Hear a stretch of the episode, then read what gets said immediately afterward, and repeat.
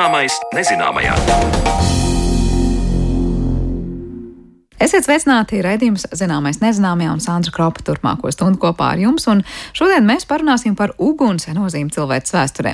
Uguns neapšaubām ir cilvēces virzītājs spēks, un uguns atklāšana atvēra jaunu lapusi visas planētas vēsturē. Pārtika, drošība, siltums un gaisma - šie nav vienīgie labumi, ko cilvēcei sniedz uguns.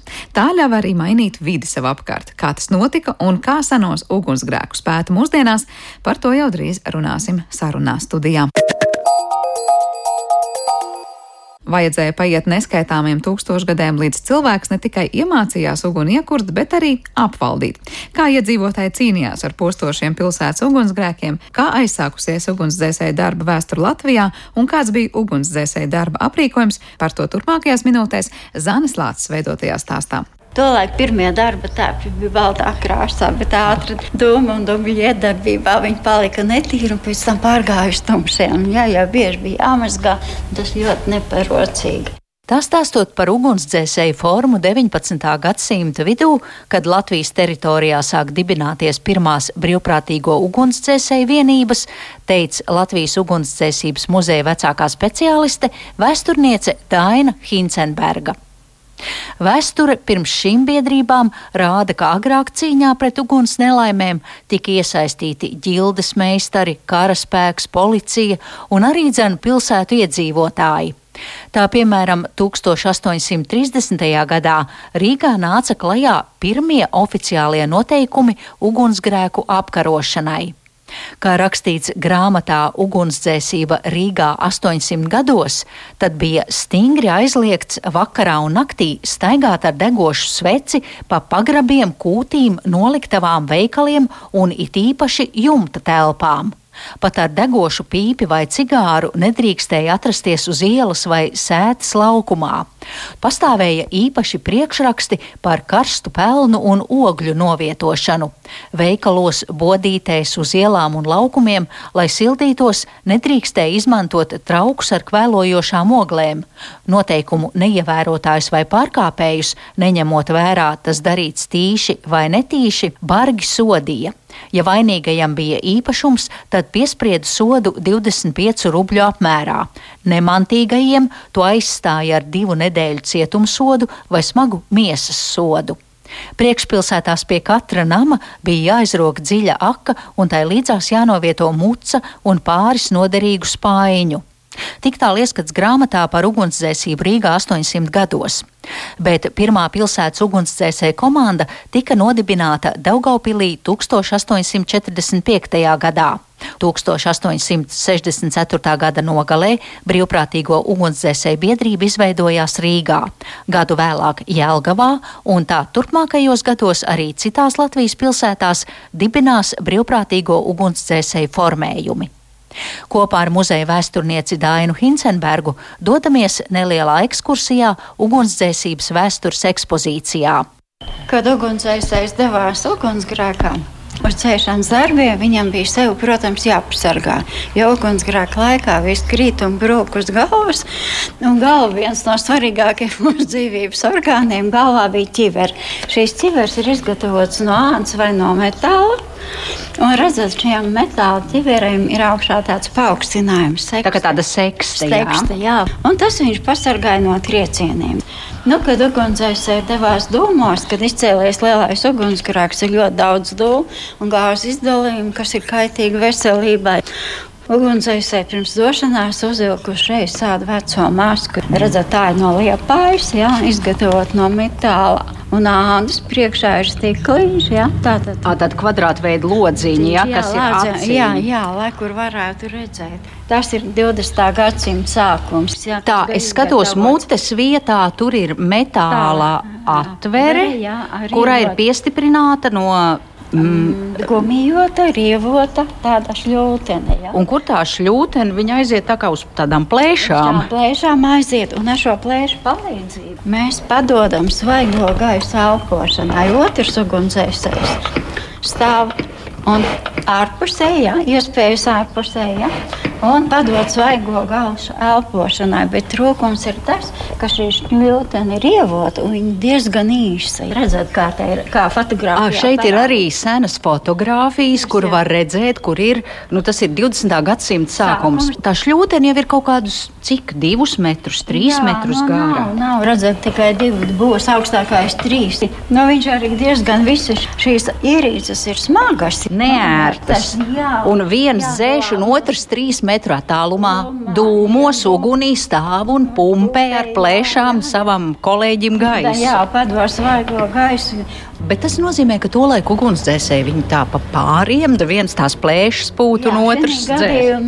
Jā, viens pats tur neko nevar izdarīt. Kā bija tolaik ar ūdens padēvi? Akas bija pie dzīvojamām mājām, bija jābūt akām un mucām un spaiņiem, lai vajadzības gadījumā senajā Rīgā, piemēram, bija no viduslaikos jau bija rakstīts, ka pie katras mēks jābūt ir ārpilsētā akai vai mucai vai spaiņiem, kad nelaimes gadījumā var padot ūdeni. Atkāpjoties laikā pirms formētu ugunsdzēsēju komandu rašanās un skatot grāmatu Ugunsdzēsība Rīgā 800 gados, uzzinām, ka 1823. gadā Rīgā iekšpilsētā ikvienam nama īpašniekam, kur ēkā bija izcēlies ugunsgrēks, bija nekavējoties jāizsauc palīdzība.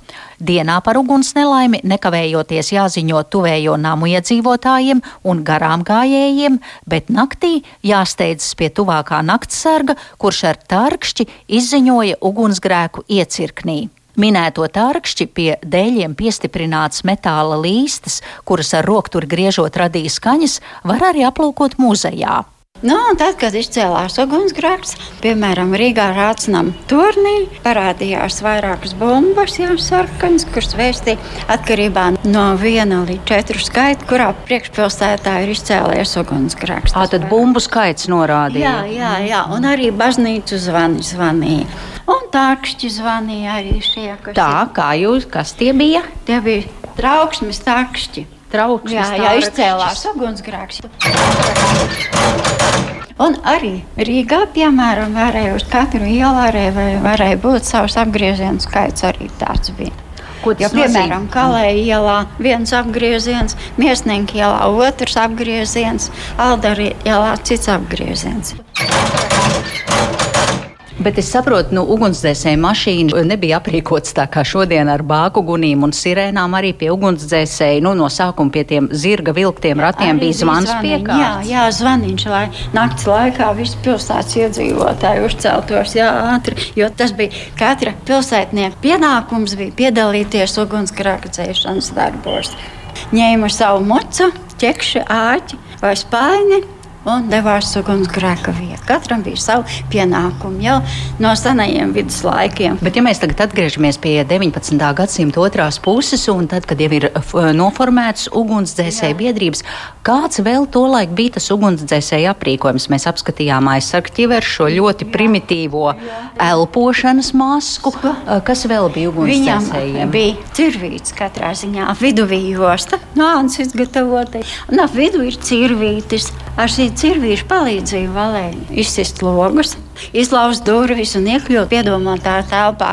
Jāpiebilst, ka šādus cirvīšus tikai bagātīgi izgraznots ar asmenī iegrabtiem ornamentiem un ziedurakstiem, ugunsdzēsējiem parasti dāvāja uz apaļām darba jubilejām bet skatot tālāk dzēsēju ekipējumu, nonākam pie ierīces, kuru 1865. gadā par saziedotajiem līdzekļiem nopirka jaundibinātā Rīgas ugunsdzēsēju biedrība. Tas ir vācu inženiera Karla Meca radītais ūdens sūknis. Rokas sūknis, ja, kur tad, kad izveidojās pirmā brīvprātīgā ugunsdzēsēju biedrība Latvijā, tas ir 1865. gadā, bija nepieciešama tehnika. Ja? Un tad Rīgas ugunsdzēsēji griezās Vācijā pie tāda slavena sūkņa meistara Kārla Meca. Viņš, Viņš atbrauca uz Rīgu ar savu šādu veidu roksūku un parādīja, kā norit dzēšanas darbi Daugaugu malā. Izmēģinājumi darbi ritēja divas nedēļas. Rokas sūkņi pēc tam vēl Rīgā un Latvijā parādās vairākās vietās. Bet te jau ir jābūt četriem vīriem, divi jā, vienā jā, galā, katrā, divi jā, otrā. Katrā divi, vienām, jā, un, protams, intensīvi bija pie viņa jāstrādā. 19. gadsimta 60. gadi, jā, jā. un te ir rakstīts, ka darba ražīgums ir 150 litri minūtē. Jā, mhm, tā varēja izpumpēt ar šo rokas. Jā, jā. Agrāk uz ugunsgrēku ņēma līdzi arī medicīnisko aprīkojumu, un tā izskaitā mākslīgo elpināšanas aparātu pulmotoru. Ja kāds bija saindējies ar domiem un gāzēm, ja, tad pieslēdz pie šāda mākslīgās elpināšanas, kā bija kreminācijas ierīce, pulmotoru kas ir gatavot Vācijā 20. gados. Un viņi arī izmantoja liepājas ugunsdzēsēji. Jo liepājas ugunsdzēsēji bija ļoti aktīvi. Viņi izveidoja savu sanitāro nodaļu, kur sniedz pirmo palīdzību nelaimē nokļuvušai. Tad ugunsdzēsējiem līdzi ne jau visām vienībām, bet, piemēram, jūs minētajā liepājas ugunsdzēsēju vienībai bija šāda koka kaste, Jā. kurā bija reanimācijas ierīce. Jā, jo bieži vien pēc tam bija katrā ugunsdzēsēju biedrībā bija savs ārsts vai sanitārs, nu, kas zināja veikt tos pirmos nepieciešamos darbus. -hmm. nu, šeit ir sanitārā nodaļa, par ko es jums stāstīju, redzat, kur jau viņi gatavi. Te mēs redzam ugunsdzēsējus. Es skatos uz senām fotografijām, kas ir datēts ar 1898. gadu, un tur ir ugunsdzēsējs formas tērpā, bet ap piedurkni ir aplikta balta apsaita ar sarkanu krustu. Jā, un tas ir šīs sanitārās nodaļas dibinātājs Henriks Meirs. Sakiet, vai ir informācija, kā novērtēt toreiz ugunsdzēsēju fizisko gatavību? Vai viņiem arī nu, bija katru dienu jāuztur sevi formā, jā, un, un tur bija tikai. Jā, praktiskās tās nodarbības notika regulāri, jo ugunsdzēsēji jauni cilvēki iestājās biedrībā, viņiem bija jāapgūst viss. Bija noteikts reglaments, kā viņiem jāapgūst gan ierīnas mācība, gan nodarbība ar šļūtenlīnijām, gan ūdens padošana, gan apsardze, visa vai ne, sargāšana. Un viņi bija sadalīti nodaļās. No sākuma bija kāpēja nodaļa, sargātāja nodaļa sūkņu nodaļa. Ja? Tā kā viss tas bija katram savu pienākumu. Nu, šeit atkal liepājas ugunsdzēsē redzat kādas praktiskās nodarbības. Liekšana no torņa, apakšā paklāts glābšanas pamats.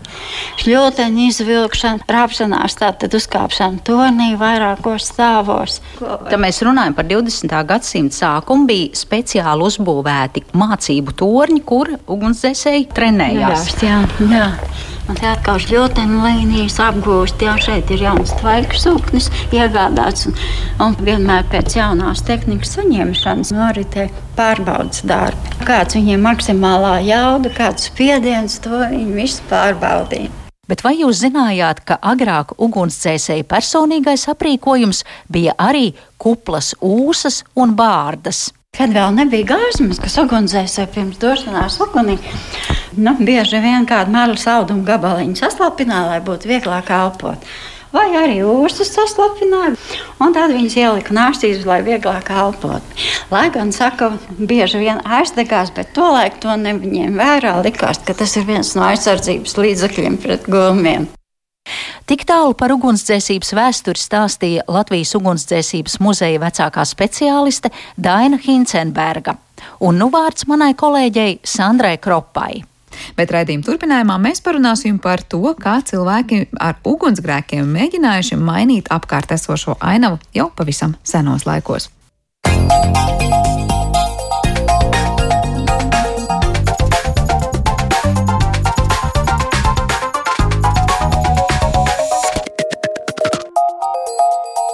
Zināmais nezināmajā.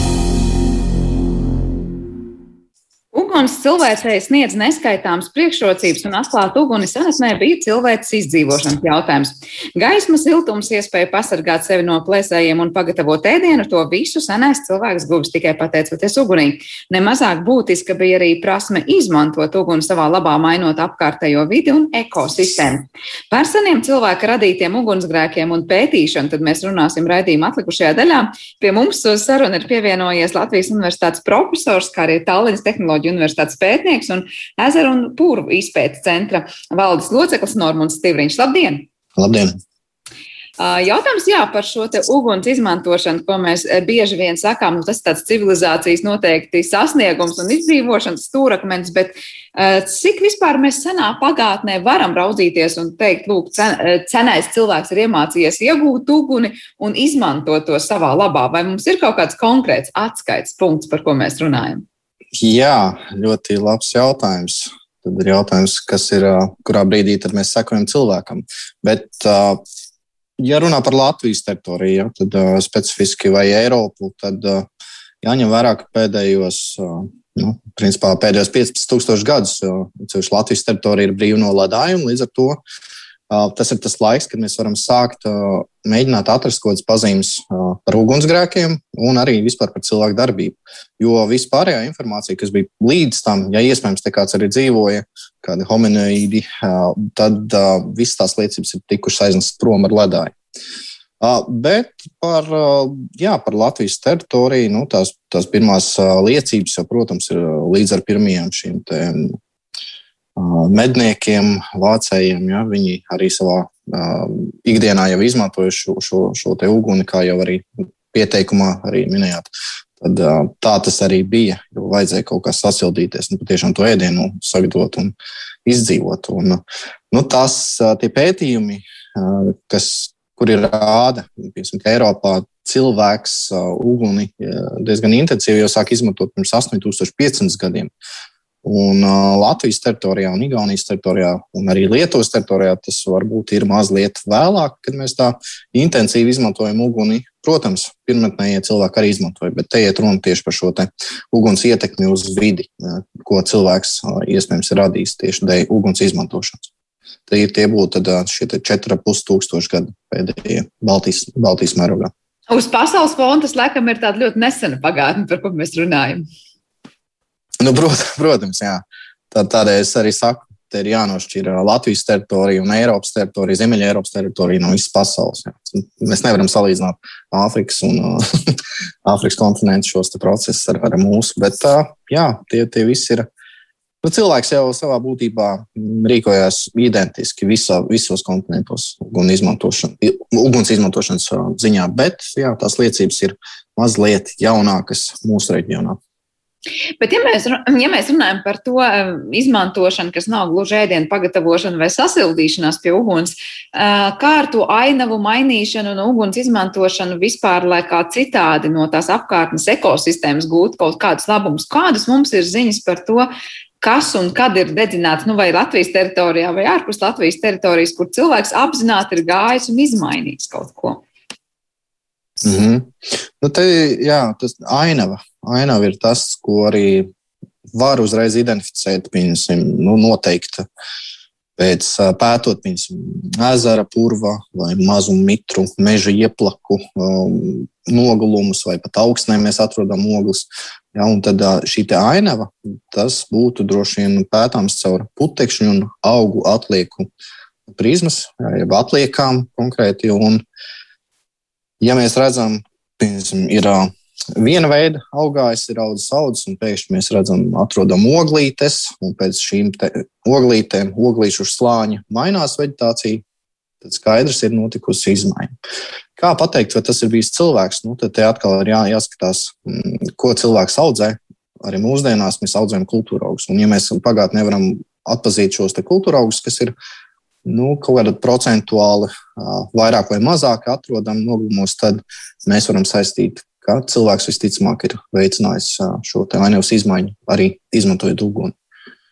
Nu, tas tāds tāda vienkāršota atbilde, protams. Jā, nu, nezinu, nu, vēl arī, protams, lai biedētu ārā dzīvnieks vai nezinu, kaut kā tam līdzīga, jā, tā saudabīga pielietošana agrāk un līduma līšana tiešām mērā arī ainava izmaina. Jā, tad, nu, jā, nu, tikai principā pēdējos simts simts gadus mēs esam novērtējuši šo mežu vērtību un vispār uguns bīstamību un mēģinām pasargāt sevi no, no tādas ugunsgrēku situācijas. Bet tad, kad mēs runājam par to, kā cilvēki apzināti to uguni pielietoja, mēs runājam par kaut kādu krūmāju vai meža zemes, es nezinu, nodedzināšanu, lai pēc tam tur sāktu kaut kādas lauksaimniecības kultūra audzēšanas vai tikko pieminētie dzīvnieki, tad dedzināt mežu, lai dzītu ārā dzīvniekus un tādā veidā medītu.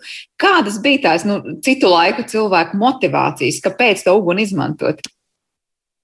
Jā, tieši atbildes droši vien nebūs, bet tas, ko mēs varam nu, vismaz tīri vēsturiski ielūkoties kaut kādos um, vēstures dokumentos vai droši vien arheoloģiskā kontekstā vairāk, tad jau tur būtu jāskatās, nu, kas bija nepieciešams, kas bija nepieciešams to doto brīdi. Nu, tādas tiešas liecības pēc, pēc ogļu atrašanas nolūmos mēs nevaram pateikt, kam viņi tieši izmantoja to. Bet mēs varam aptuveni nojaust pēc tās loģikas, kā mēs šo, šodien mēs to nu, aptuveni darītu. Nu, jā, šeit, šeit droši vien ir šie vēsturiskie pieraksti, nāk Mm, krietni palīgā. Arī šīs te teikas un um, tautas dziesmas kaut vai jā, droši vien, kad ja mēs ielūkotos, tad būtu arī par uguns lietojumu. Un arī uh, Latvijas arheologi un vēsturnieki pēta šīs te tehnoloģiskās uh, puses, uh, gan uguns lietošanai, gan vispār manufaktūru dažādiem šiem procesiem. Tā kā, nu, to pastarpināt, mēs varam aptuveni saprast, kam, kādiem nolūkiem viņi to ir izmantojuši un kāpēc, kāda bija tā racionāla. Kādi ir tie pētījumi, kas pašam, es saprotu, arī ar ārvalstu kolēģiem ir notikuši šeit, par, šeit pat par Eiropas tuvākajām teritorijām, tad ārpus Latvijas robežām un tomēr tepat, tepat Eiropā? Kas mums ir zināms par to, kā tā dedzināšana notikusi šeit? Mm -hmm.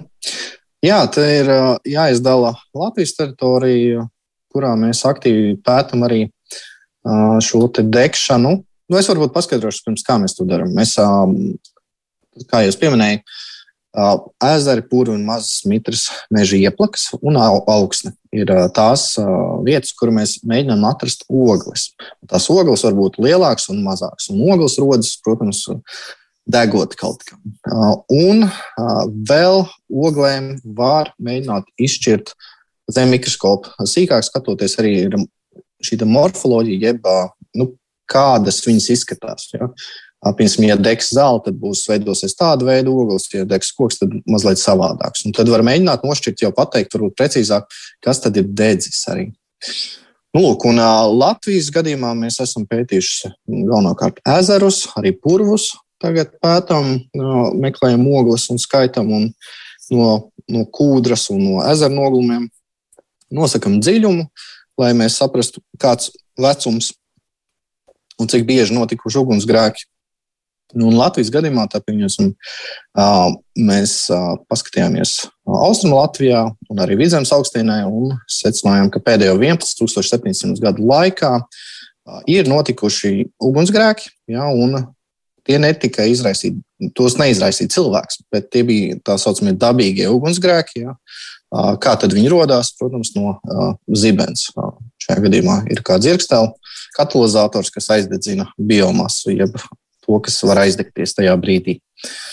Nu, lūk, un, Latvijā klimats ir bijis mainīgs. Un, ja sākotnēji viņš pirms šiem 11,700 līdz 8,200 gadiem Latvijā dominēja boreālie meži, skujkoki. Tātad tāda ugunsgrēka bija diezgan, nu, tā, tā teikt, vairāk nekā sekojošajā siltākajā laikā no 8200 līdz 4200 gadam, kad gaisa temperatūra Latvijas teritorijā bija par 2,5 līdz 3 grādiem augstāka.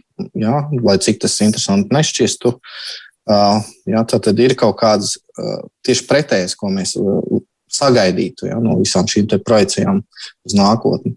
Un arī to varētu skaidrot ar to, ka ir mm, pastāvējuši tajā laikā pilnīgi cita veida vegetācija. Un tā bija nemirālā, jeb nu, platlapju meži, vairāk šeit auga un dominēja. Un platlapji kā tādi, šī, viņi veicina tādu mm, mitrāku piezemes slāni. Ja, tātad šis mikroklimats mainīgs ir izmainījies, un arī paši koki tik labi nedegs kā skujkoki, ja, kuriem, kuriem ir šie sveķi un viņi labāk deg. Un pēdējos 4200 gadus nu, mēs tagad dzīvojam teikt, um, jaukta tipa mm, vegetācijas zonā, kur mums ir gan skūko, gan arī platlapji. Tas ir tādēļ, ka pēdējo 4200 gadu laikā klimats kļūst vēsāks un mitrāks. Uh, tas būtu par Latvijas teritoriju, bet uh, uh, ko mēs esam atklājuši arī piemēram, Somijā un Karēlijā, kad arī tur, protams, notiek ugunsgrēki. Arī bez cilvēka ietekmes ir vērojams diezgan, nu, diezgan bieži šie ugunsgrēki. Nu, tā, piemēram, Karēlijā pēdējo 11,000 gadu laikā ir ik pa 126 līdz 240 gadiem ir noticis ugunsgrēks.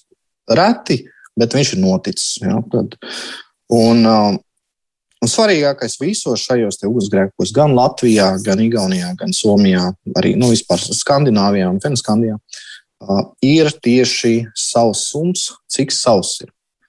Ja, ne tik, tik ļoti siltums ir svarīgs, cik siltāks paliek, bet tieši sausums. Jo arī vēsos laikapstākļos var būt sauss. Nu, pieņemsim, Somijā mēs pētot koku gadsimtas un skatoties šīs ugunsrētas kokos, mēs konstatējam, ka mazajā ledus laikmetā, kad bija vēsāks klimats, tad notika vairāk ugunsgrēku tajos reģionos, kur cilvēki vispār nedzīvoja. Tas liecina, ka uh, ir bijuši sausāki arī apstākļi, ko var pastarpināt arī nolasīt no koku gadsimtām. Varbūt tik sīk neieslīgšu, bet šajās niansēs, bet jā, tieši šis apstākļus, ka ir sausums, ļoti svarīgs ugunsgrēku rašanās. Kā no gadsimtām to sausumu var ieraudzīt? Mēs varam teikt, tās gredzena būs, es nezinu, mazāk izteikti, vai tie būs kaut kādi pārāk tuvu viens otram? Jā, Es varbūt vairāk pārāk. Nu, jā, katram kokam redzēt, ir šie optimālie apstākļi. Tad zināk, zinātnieki ir iemācījušies nolasīt šos ierakstus, kuri spēj pateikt, vai ir bijuši mitrāki vai sausāki. Nu, tas jāskatās arī no reģiona, kurā viņi ir auguši. Par detaļām neizstāstīšu sīkāk, ja, bet tas, tas, bet tas ir vizuāli pamanāms. Ja? Jā, jā, jā. jā. Un, ja, ja tiek pētīt, um, pētīt vairāk simt šādu koku, tad uh, parādās ļoti izteikti šis te, uh, periodiskums, uh, kurā mums ir uh, koku gadsimts vai nu platāks vai šaurāks. Ja, un, un tad, acīm, nu, loģiski, šajā gadījumā būs šaurāks, jo ir mazliet uh, nelabvēlīgāk augšanas apstākļi priekškokiem. Es vēl gribēju Jā. pajautāt par tām oglēm, par to, ka mainās vai degusi zāle vai koks. Kā tās ogles tomēr izskatīsies? Minējāt, ka atšķirīgi, bet nu, apmēram uz kuru pusi mēs varam vizualizēt. Mm -hmm. nu, ja skatās mikroskopiski, uh, mikroskopā, tad uh, kokam būs tādas taisnas stūra veida uh, ar tādu iegrānām, iegrām tādu rakstiņu vai kvadrātveidīgs. Savukārt zālē būs ar ar tādām kā šūnām, kā lai pasakā, tādiem atvērumiem mm, vairāk. Un um, nebūs tik izteikti taisnība stūra veidīgs. Nu, tas tā, tā īstenībā, jo tur ir ļoti daudz dažādu. Forma, ja būs tā, kas nodot tieši Jā. to. Nu, ne tikai forma, forma un arī tekstūra, virsma. Jā. Ja ir lielāki gabali, piemēram, oglēm, piemēram, koku, ogļu fragmenti, tad jau var arī šūnas skatīties. Un pēc šūnām var pateikt, kas tā ir bijusi, kas tieši ir dedzis, kura suga. Liekas, ka sadegot neko vairs nevar pēc tam atrast, bet patiesībā oglēs var izlasīt veselu grāmatu ja, no tā, kas tur ir bijis. Bet vēl mazliet par tām ainavām, kas tad ir veidojušās, nu tad, kad tas ir, nezinu, apzināti vai neapzināti, bet uguns klātbūtne ir bijusi.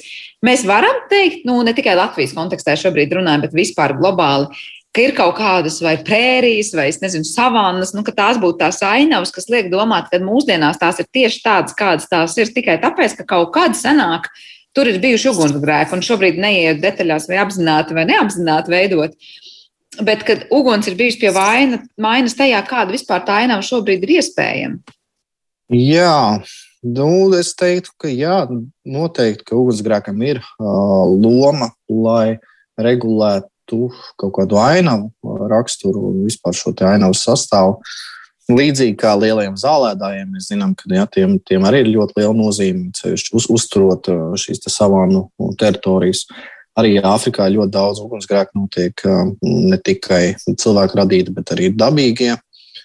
Un, uh, pašlaik mums uh, ir tāds liels pētījums arī par uh, par Eiropas ugunsgrēkiem. Un, uh, mēs skaidri redzam, ka piemēram, um, karstākajos Spānijas reģionos, kur ir uh, zālieni, jā, tur, tur vairāk deg. Uh, un uh, pateicoties, pateicoties šiem ugunsgrēkiem, tur arī tiek uh, uzturēta šī ainava.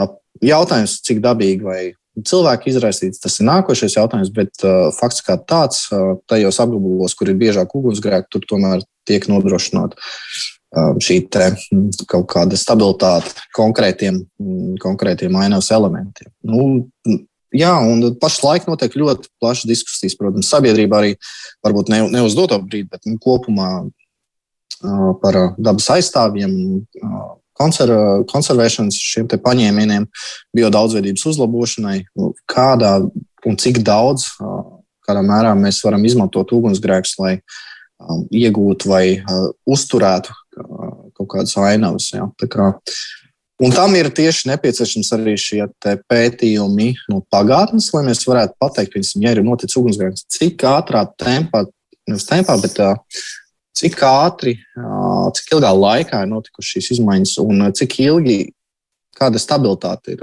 šai te ainavai. Un tas dod kaut kādu priekšstatu, cik bieži vispār šīm ugunsgrēkiem vajadzētu notikt. Uh, ja mēs gribam kaut kādu konkrētu teritoriju kaut kā uzturēt. Ja. Tad līdzīgi arī par dzīvniekiem. Tas pats, kāds dzīvnieks mēs ieviesīsim, lai kaut kāds elements iznīdētu vai tieši pretēji uzturētu kaut ko. Bet kuras būtu tās ekosistēmas, vai tie augi, vai, vai tās sugas kopumā, par kurām mēs runājam, kurām tā uguns klātbūtne ik pa laikam būtu vajadzīga, lai savādi arī neizklausītos? Par viršiem vai par priežu kaut kādām audzēm? Jā, jā, jā protams tieši precīzi, precīzi sugu minējums, jo virši, viršiem ir nepieciešams, jā, patiešām, lai ir šis dabīgais traucējums, lai nekādas citas pārējās sugas viņas nenomāc, neuztaisītu ēnu. Jā, tad loģiski virši pēc savas būtības viņi ir sīkrūmi un ātri saules paliek, un tā ir laba biomasa, lai notiktu ugunsgrēki. Attiecīgi arī Priedes, arī lapegles ir ļoti labi pielāgojušās šiem ugunsgrēkiem. Mm, ceļš lapegles, kurām ir ļoti bieza mīza, izteikti biezāk par priedēm. Viņas speciāli arī veido šo biezo mīzu, lai izkonkrētu pārējās sugas. Un tā ir arī liecība, ka, ja mēs redzam lapegles, tad skaidrs, ka tajos reģionos droši vien būs ugunsgrēki vairāk Protams, jāņem vērā arī augsne. Kāda augsne mēs atrodam, kāda augsne tur konkrētā gadījumā ir. Ja? Un, nu jā, to, ko var redzēt, tad priedes, ja ainavā ir, piemēram, ja mežā ir priedes, tad būs ugunsgrēks tieši tiks veicināts. Savukārt, ja ir platlapji, tad tiek samazināts šis te, mm, ugunsgrēku iespējamības faktors. Un, jā, nu var teikt, ka priedzi no tā tikai iegūst, ir ugunsgrēki šajos reģionos, jo tik, tiek iznīcināti pārējie ēnu, ēnu metošie koki, sugas. Bet augums jau, es saprotu, arī var būt ļoti dažādi, vai ne? Ir tātad, kas, kas noskrien pa virskārtu un varbūt neizdedzinās tur kaut kādas eh, daudz dziļākus slāņus, un savukārt mēs nerunājam par uguni, kas nopūsties pilnīgi, kā sāk, es nezinu, cik metrus vēl zem, zem augstnes, kur slāņi kaut ko izdedzinās. Tad, tad uh, var teikt, ka nu, mēs šeit runājam par konkrētu uguns veidu, pat tad, kad šī kontrolētā dedzināšana notiek. Vai... Jā, droši vien tad ir jāsaprot, kādu ugunsgrēku mēs uh, imitējam vai mēģinām um, iegūt. Jo pastāv patiešām šie divi veidi ugunsgrēku režīmi. Tie dominējošie, tas būs tās skrejuguns, un tad otrs jau būs ar lapotni, kur uh, viss koks principā nodeg. Un, uh, Piemēram, lai, ugunsgra, lai koki izdzīvotu, tad mēs vairāk skatītos to skrejgumu, jo tas būs ar zemākas temperatūras un ātrāks process notiks. Un, savukārt, ja ir lapotņu, tad tie jau tādi intensīvie ugunsgrēki, un tad pēc tā notiek pilnīga uh, koku sugu uh, augšanas sākums. Principā tiek uh, restartēts, uztaisīt nulles punkts, un tad koki atkal mēģina sākt augt. skatoties, lūk, šī ainavā, jūs atradīsiet ogles un vēl tur visu to minētu un pateiksiet, tā ir vai nav dedzināta. Tad var teikt, pēc tā, kādas kultūras tur klātbūtni atradīsiet, teiksiet, tā bija apzināta, neapzināta dedzināšana, jo varbūt, lai šo kultūru audzētu, tā tad bija jābūt, es nezinu, tai zemē pārvērsta jau par lauksaimniecības zemi. Vai kā citādi jūs varat noteikt, nu, piemēram, šodien skatoties, vai tālā pagātnē cilvēks apzināti to ainavu mainīja un iekopa kaut kā vai, vai pārveidoja ar uguns palīdzību, vai tā uguns tur nejauši bija nokļuvusi? vai pateikt, vai tas ir cilvēka radīts vai nē, to gan, man liekas, īsti nevarēs pagaidām vismaz pagaidām zināt, to nespēja atbildēt. Mēs varam vienīgi skatīties šīs likuma sakrības. Ja mēs redzam šos kaut vai mm, kultūrālu putekšņus vai auga atliekas, tad skaidrs, ka uh, tur visticamāk varētu būt saistība ar, ar, uh, no, ar cilvēku klātbūtni, nu, apzinātu ugunsgrēku veidošanu. Uh, nu, jā, interesanti arī, piemēram, ja ne pa Latviju, tad uh, arī tajā pētījumā, ko mēs pa Eiropu veicam, tad uh, interesanti, ka Islandē kur pirms tūkstošiem gadiem bija 40% meža, tad ieradās pirmie šie iedzīvotāji un mežu īpatsvars saruka līdz 2%.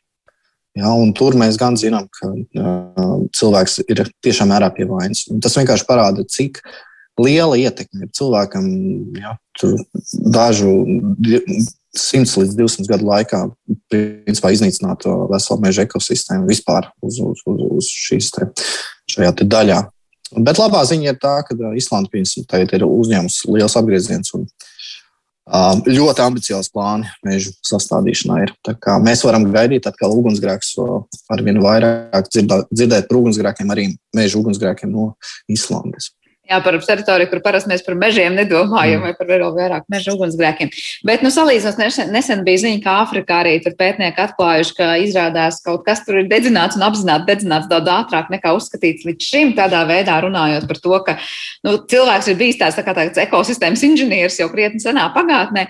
Cik daudz mums ir šobrīd zināms par to, kāda ir bijusi tā dabas un cilvēka miedarbība, tīri apzināti mainot to ainavu, kurā viņš dzīvo, lai no tās, es nezinu, vai gūtu labāk kādus saimnieciskus labumus vai drošības labumus vai kā nu citus. Uh, un vai šobrīd var teikt, ka noteikti tāda tendence, ka arvien vairāk skatoties un pētot, mēs atkāpjamies pagātnē un ieraugām arvien vairāk interesantu lietu, par kurām mēs kādreiz pat nedomātu, ka cilvēks tā savulaik ir rīkojies? Es domāju, ka tas jau no laika gala, līdz ko cilvēks ir bijis ainamā, tā viņš ir mēģinājis kaut kādā veidā to visu pielāgot. Nu, piemēram, tik, tikko nācās recenzēt vienu projektu, kur, kur redzēja, ka uh, pirmie kultūra augi iespējams pat ir vairāk miljonu, kā pusotru miljonu gadu seni. Tā kā proto-kultūra auga kaut kāda putekšņa. Ja?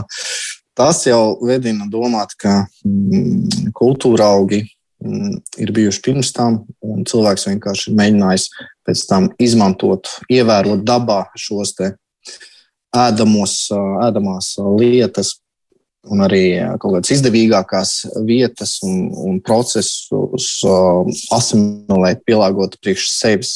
Ja, tad, drusku egoistiski, kā, kā tas arī mūsdienās ir. Uh, es domāju, tas ir bijis jau no paša laika sākuma. Mums tikai ir jāmācās uh, apskatīties un saprast, cik lielā mērā mums ir šos procesus vajag atstāt un varbūt kaut kādu līdzsvaru iegūt. Ja arī mēs audzējam kaut kādas monokultūras, tad tomēr to bio daudzveidību rast kaut kādu risinājumu. Protams, mums cilvēkiem ir jādzīvot, bet ir jāmācās saprast, kā iegūt šo līdzsvaru.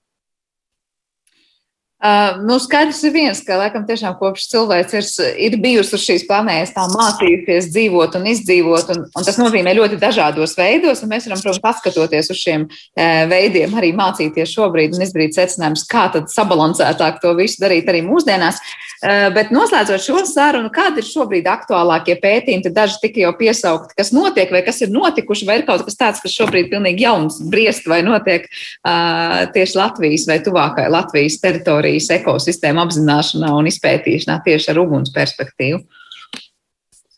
Jā, pašlaik mēs pētām ļoti intensīvi ugunsgrēkus purvos. Mēs skatāmies, cik bieži ir piemēram, ugunsgrēki notikuši bažu purvos, tagad arī ķemeru purvu analīzes iet procesā, tā teikt, ir notiek.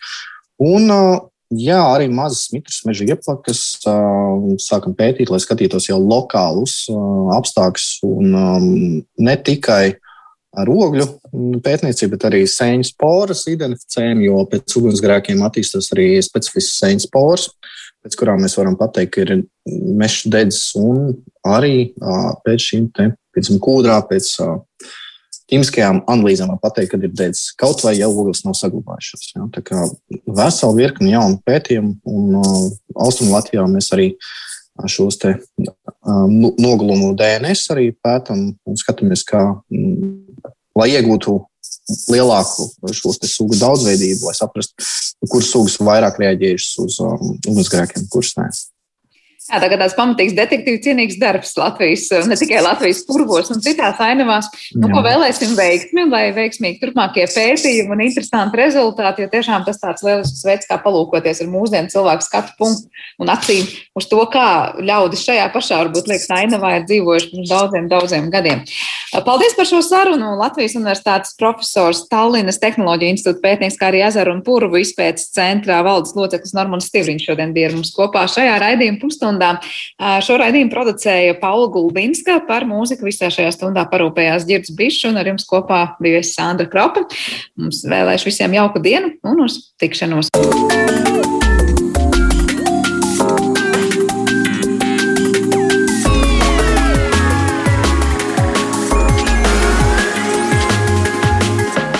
Zināmais nezināmajā.